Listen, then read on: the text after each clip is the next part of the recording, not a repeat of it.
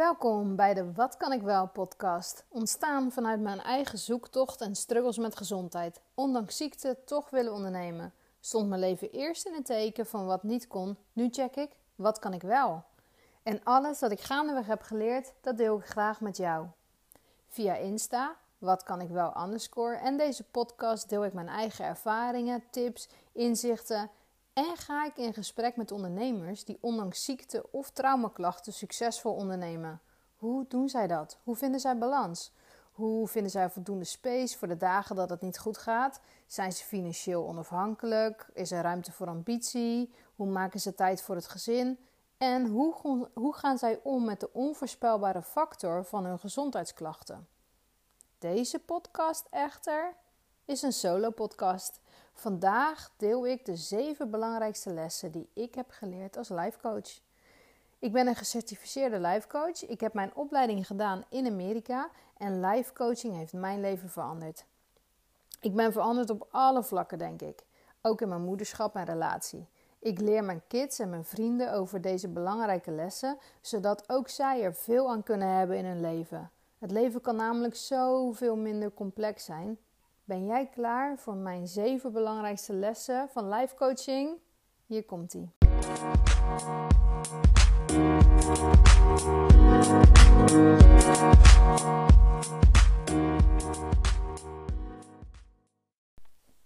Ben je er klaar voor? De zeven belangrijkste lessen. Maar voordat ik daar echt mee begin, wil ik het heel kort even hebben over life coaching. Alhoewel, ik ga proberen het kort te houden. Ehm, ik heb alleen maar hele positieve ervaringen met life coaching. Um, ben zelf heel veel gecoacht en ik heb zelf heel veel gecoacht. En ik heb natuurlijk een hele opleiding gedaan en ik vind het echt geweldig.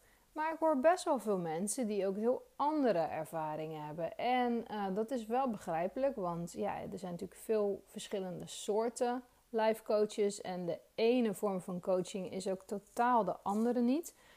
Ehm, maar ik zal toch eens uitleggen waarom het voor mij zo bijzonder is en zo'n geweldige impact heeft gehad op mijn leven. Het is eigenlijk vrij weinig wat ik nu kan bedenken, eigenlijk wat zoveel impact en zoveel groei voor mij heeft betekend als, uh, als echt diep in het life coaching uh, te gaan.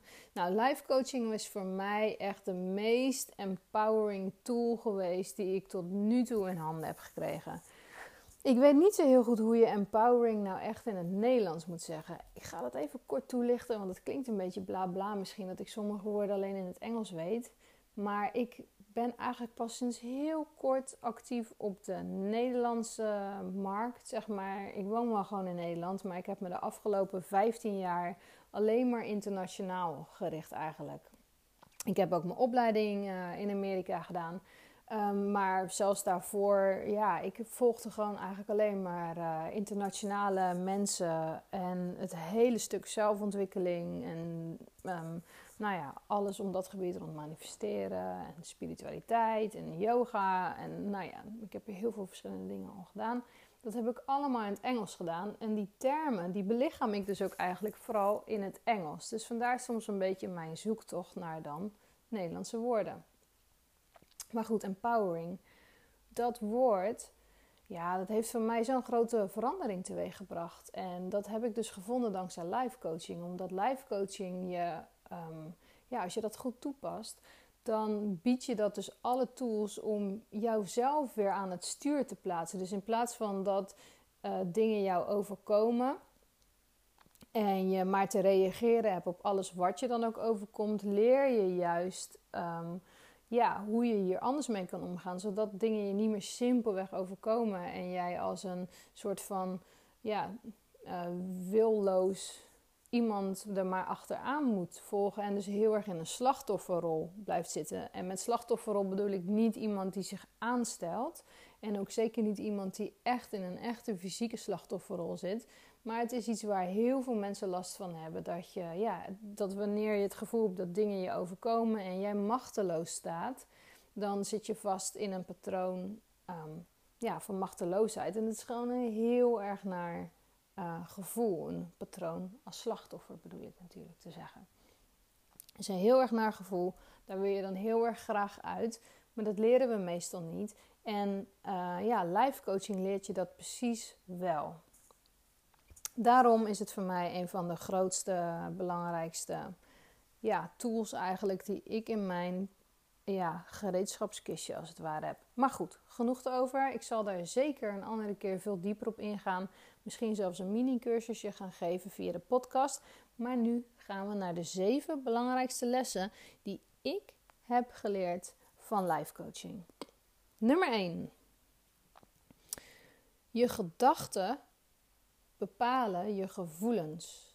Dus het is niet de situatie die gebeurt. Het is niet hetgeen wat iemand tegen jou heeft gezegd. Ehm, dat is het allemaal niet. Jouw gedachten bepalen je gevoelens. Dus iets gebeurt. Hetgeen wat gebeurt is eigenlijk neutraal. Het gebeurt. En zonder dat wij het doorhebben, hebben we daar gedachten over. Dat gaat heel erg snel. En die gedachten, die veroorzaken een gevoel. En dan komen we gelijk bij punt 2. Want namelijk je gevoelens, die veroorzaken de acties die je neemt, ofwel de acties die je niet onderneemt. Um, actie kan bijvoorbeeld zijn dat iemand uh, dat je boos bent op iemand en in plaats van dat je diegene uitlegt waarom je boos bent, ga je hem negeren. Dus dat is een voorbeeld van een actie ofwel uh, een inactie, want negeren is natuurlijk dat je niets communiceert. Punt nummer drie is dat het resultaat, of eigenlijk de uitkomst van een situatie, bewijst altijd de oorspronkelijke gedachte. Dus iets gebeurt, jij hebt daar binnen een nanoseconde, zonder dat je er echt invloed op hebt, heb je daar een gedachte over. Die gedachten sturen gevoelens aan. Die gevoelens die zorgen ervoor dat je bepaalde acties onderneemt dan wel niet neemt. En uit die hele situatie, daar komt een resultaat uit voort. En dit resultaat bewijst altijd, keer op keer, de oorspronkelijke gedachte. Nu vergt het natuurlijk best wel wat training.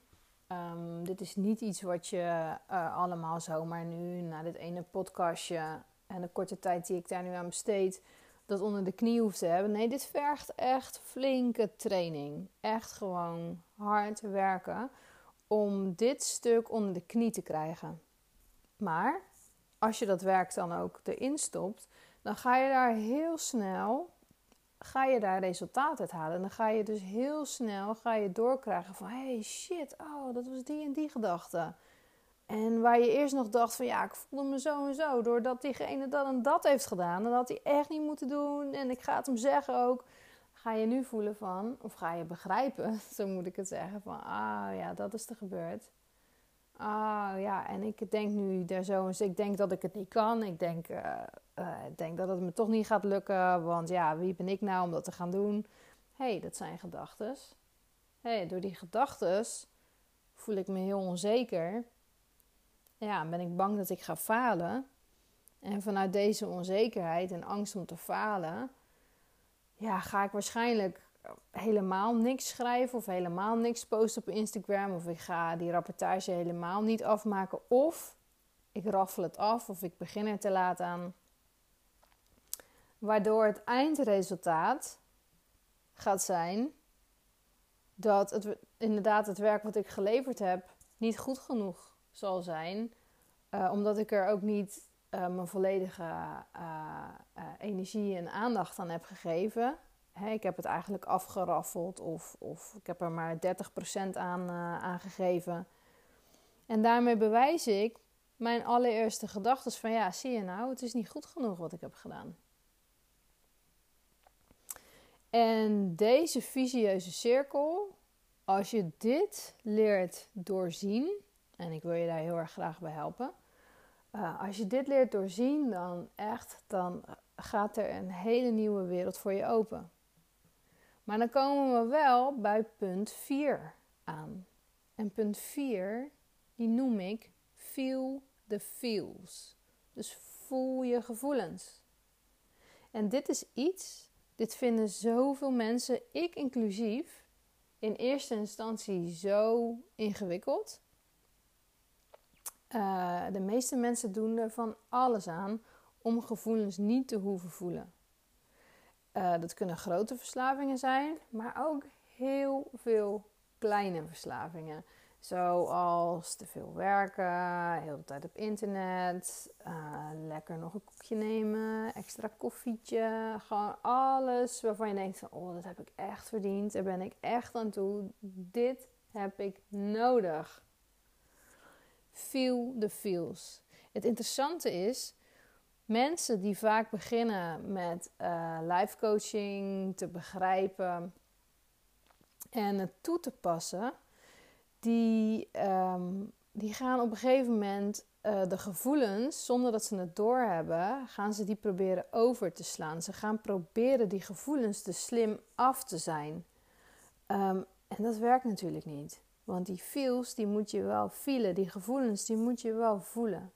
Nou, hoe kan je dat dan bijvoorbeeld spiritueel bijpassen? Dat is bijvoorbeeld Um, binnen manifesteren is dit eentje een veelgemaakte fout die je heel veel hoort. Dat is bijvoorbeeld van ja, ja, om iets aan te trekken moet je je wel goed voelen. En dan uh, zijn dus negatieve gevoelens die zijn niet goed. Maar ja, die voel je natuurlijk wel, want je hebt gewoon een menselijke uh, experience, een menselijke ervaring. En daarbinnen horen nou eenmaal gewoon uh, fases met fijne gevoelens en fases met minder fijne gevoelens. Maar uh, wat mensen dan heel erg doen, dan gaan ze bijvoorbeeld, als ze zich dan minder fijn voelen, en je hebt bijvoorbeeld leren mediteren, ik noem maar, is een van de mogelijke voorbeelden, dan ga je denken van, oh, ik voel me echt helemaal niet goed. Ik ga snel mediteren, zodat ik me weer heel snel goed voel. En dat is aan de ene kant klinkt dat natuurlijk super logisch. En er is op zich ook niet zo heel veel mis mee. Alleen als jij keer op keer op keer de gevoelens die niet zo fijn voelen, maar blijft onderdrukken, um, ja, dat werkt dus niet. Want dan ben je ze aan het onderdrukken. Dan ben je spiritueel aan het bypassen. Hoop dat je hem begrijpt. Punt 5 heeft hier heel erg mee te maken. Is eigenlijk een soort van 4b, maar ik heb er toch gewoon maar lekker punt 5 van gemaakt. Namelijk, wat ik net al een beetje zei, dat is dat heel veel mensen, ik inclusief, echt als te dood zijn voor onze gevoelens. En vaak hebben we in eerste instantie niet eens door dat we zo bang zijn voor die gevoelens. Maar zodra bepaalde gevoelens eenmaal omhoog komen, dan hebben we vaak het gevoel van: oh, maar shit, als ik dit aanga, als ik dit ga toelaten, dan komt het niet meer goed. Volgens mij kom ik er dan niet meer uit. Ik weet gewoon niet, oh, dat voelt zo groot. Ik denk niet dat ik het aan kan. En wat nou? Wat nou als ik er niet uitkom? Wat nou als ik het niet red? Wat nou als ik instort of, of, of depressief word? Of dit is iets, hier lopen zoveel mensen tegenaan. En de enige uitzondering hierin zou ik zeggen, dat zijn mensen die echt flink trauma hebben. Die um, voor hen is het beter als ze bij dit stuk begeleiding hebben. En dat er iemand bij is en um, ja, voor hun is het wel echt heel belangrijk dat er, dat er echte veiligheid is. Dat komt omdat hun hele zenuwstelsel eh, is dan helemaal anders. En daarin is de paniek gewoon echt reëel, omdat ze uit echt hele heftige en soms levensbedreigende situaties komen. Maar de meeste situaties, dus alle situaties waarin er geen echt heel gevaarlijk trauma uh, sprake van is, dan voelt het alsnog alsof je van een ravijn moet springen de diepte in. Terwijl het uiteindelijk vaak gaat bijvoorbeeld over je kwetsbaar tonen. Of um, hè, bijvoorbeeld toch iets posten wat je spannend vindt. Of je, gaat, je moet iets gaan verkopen wat je doodeng vindt. Want ja, wat nou als je het niet goed doet? Of wat nou als, als niemand wil kopen? Of ja, je gaat een gesprek aan, bijvoorbeeld een uh, geen goed nieuwsgesprek aan. Um, dat zijn allemaal dingen waarbij hele grote angsten kunnen vrijkomen. Maar over het algemeen gaat het toch meer over angsten zoals afwijzing, falen, schaamte. En het kan zulke grote proporties aannemen dat het echt voelt alsof hij, alsof hij de klap bijna niet kan gaan incasseren. Maar het interessante is, is dat onze angst voor deze gevoelens, die is vaak duizend keer groter dan het gevoel zelf. Want die gevoelens, dat zijn uiteindelijk altijd golfbewegingen. Dus die golf die zwelt aan en die wordt groter en daar zit een kracht achter. En dat vinden we dus vaak heel eng als het op ons afkomt. En dan op een gegeven moment spoelt die golf als het ware over je heen. En dat is gewoon fucking intens. Iedereen die wel eens in een wat woestere zee die heeft gezwommen, die weet dat het best wel eng kan zijn. Dat is ook zo. Maar op een gegeven moment, dan zwakt die golf er af. Want die spoelt namelijk voorbij. En dat gaat over het algemeen echt heel erg snel. Gewoon binnen minuten vaak. Het, bij mij ook echt heel vaak gewoon binnen één minuut. En dan is het in één minuut heel intens. En dan voel ik al van, oh, oh, oh joh, oké, het is al voorbij. Zo'n ontzettend belangrijke les dit. Feel the feels. En proberen niet bang te zijn voor de gevoelens. Omdat die gevoelens, die moeten er toch uit namelijk. Deze gevoelens moeten gevoeld worden. Again, voor mensen met trauma is het een heel ander verhaal. Dit gaat niet over gevoelens die vanuit trauma komen. Alle andere gevoelens, die zijn belangrijk om toe te laten, om de angst in de ogen te durven kijken, om er ruimte voor te maken, om het tijd te geven. Want pas dan kan je het opruimen en pas dan kan je echt doorstappen naar een next level. Als je dat niet doet, dan ben je de hele tijd als het ware een strandbal onder water aan het douwen. En dat geeft heel veel vermoeidheid, heel veel stress. En bovendien houdt het je dus gevangen letterlijk in een bepaalde situatie. Gaan we door naar punt 6. Reverse engineering. Ehm, ja, weer zoiets dat ik even niet heb nagedacht van hoe we dat nou in het Nederlands gaan zeggen. Maar reverse engineering. Als je, weet je, punt 1 tot en met 4 nog, dat je gedachten bepalen je gevoelens, je gevoelens bepalen je acties, dan wel inacties. En dan komt het resultaat en het resultaat bewijst altijd je gedachten. Ook punt 1 tot en met 3, niet 1 tot en met 4. Deze drie punten. Als je dit op een gegeven moment onder de knie krijgt, dan kan je dit dus gaan reverse engineeren. Dan kan je dus zeggen van hé, hey, ik wil dit resultaat behalen.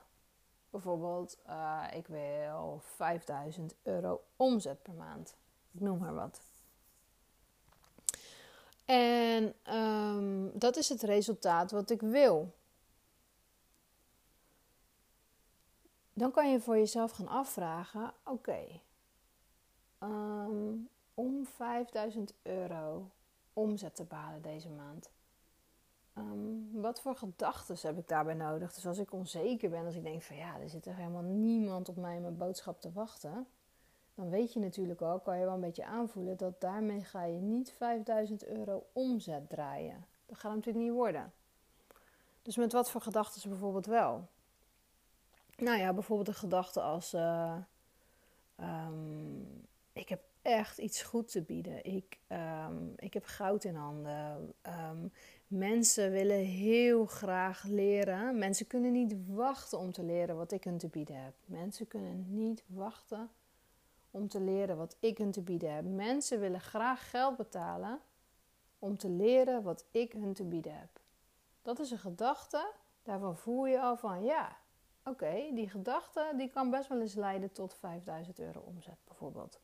Oké, als ik die gedachte wil voelen, uh, wil denken, hoe voel ik me daar dan bij?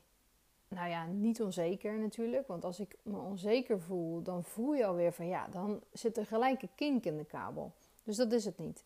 Je voelt je niet onzeker daarbij. Dus hoe moet ik me voelen als ik 5000 euro omzet wil kunnen draaien? En uh, ik heb de gedachte, mensen willen graag geld betalen om te leren dat wat ik heb te bieden zelfverzekerd bijvoorbeeld of uh, doelbewust.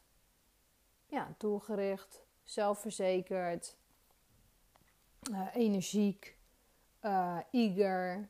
Dat soort dingen, dat soort gevoelens wil je dan hebben. Oké, als ik me dan zo voel en ik heb die gedachten en ik wil naar dat resultaat, Welke acties moet ik dan nemen? Nou, en dan ga je zo daar zo over nadenken en een beetje brainstormen. En dan hop, dan schrijf je zo al die gedachten op, of die acties op die je dan kan nemen. En dan op die manier kan je dus reverse engineeren en kan je dus een heel plan in elkaar draaien. Wat ook hier echter wel weer heel erg belangrijk is, is dat je de gevoelens die je hebt, die gehoord moeten worden, die gevoeld moeten worden, waar ruimte voor moet zijn, is dat je die wederom hiermee Ehm, niet uh, wegstoot als het ware. Dus het is heel erg makkelijk eigenlijk. Dus, dus reverse engineering is dus een manier van spiritual bypassing. Dat is iets waar je echt heel opmerkzaam voor moet zijn. En dan nummer 7. Een heel belangrijk punt. Er is geen eind. Ja, er is natuurlijk wel een eind. Um, maar laat het me anders zeggen. Ehm, er komt waarschijnlijk voorlopig nog geen moment waarop jij kan zeggen van zo, lekker man, alles is opgelost. Nu kunnen we dan eindelijk gaan chillen, gaan genieten. Is er niks meer aan de hand. Alle shit is opgeruimd. En uh, ja, laat de vakantie maar beginnen de rest van mijn leven. Dat is wat ik persoonlijk zelf heel graag had gewild. En um, ja, dat is gewoon niet hoe het gaat. En dat vind ik best wel jammer. En tegelijkertijd, um, met dat ik uh, nu heel veel mensen heb gecoacht, zie ik gewoon dat dit bij iedereen zo gaat en dat dit echt het proces is. En nou ja, zoals je wel zo vaak al hebt horen zeggen natuurlijk, is dat het niet gaat om de eindbestemming, maar om de journey, uh, om de reis. En uh, ja, dat is echt zo'n enorm cliché ding dat je denkt van ja, ik weet het niet hoor, maar als ik tien uur in het vliegtuig zit, vind ik er echt geen reet aan. En als ik dan aankom op een of ander zalig strand, dan lijkt het mij toch echt wel te gaan um, over de eindbestemming. Maar als het dan over het leven gaat, dan is dat toch niet zo. Um, eens even kijken wat ik nog meer had opgeschreven. Heel, ja, precies. Um, het ding is namelijk dat er gaan altijd dingen uh, op je pad blijven komen die uh, triggering zijn. Dus die lastig kunnen zijn, die uitdagend zijn. En um, life coaching kan jou dus de tools bieden dat je hiermee anders leert omgaan. En dan gebeuren de dingen nog steeds wel. Alleen de impact en de invloed en de uitwerking die ze op jou hebben, daar verandert alles. En dat is de power, wat mij betreft, van life coaching. Dus life coaching gaat uiteindelijk om um, weer in je eigen kracht te komen te staan en het gaat erom om jezelf weerbaar te maken. En dat is iets, um, ja, het leven maakt ons vaak wel weerbaar. Maar verder, of je moet ouders hebben die je dat hebben geleerd. En dat zou dan best bijzonder zijn, want ik ken niet zo heel veel mensen waarbij hun ouders uh, hun dat hebben geleerd. Um, maar juist weerbaar zijn en uh, begrijpen hoe dit soort dingen van het leven in elkaar zitten ja, persoonlijk heb ik zoiets van laten we dit toch in godsnaam aan onze kids en op scholen gaan leren. En ik denk dat ieder mens ermee geholpen zou zijn als we, als we deze informatie kunnen leren toepassen. Nou, dat was het voor nu. Ik weet 100% zeker dat ik nog heel vaak meer ga delen over life coaching.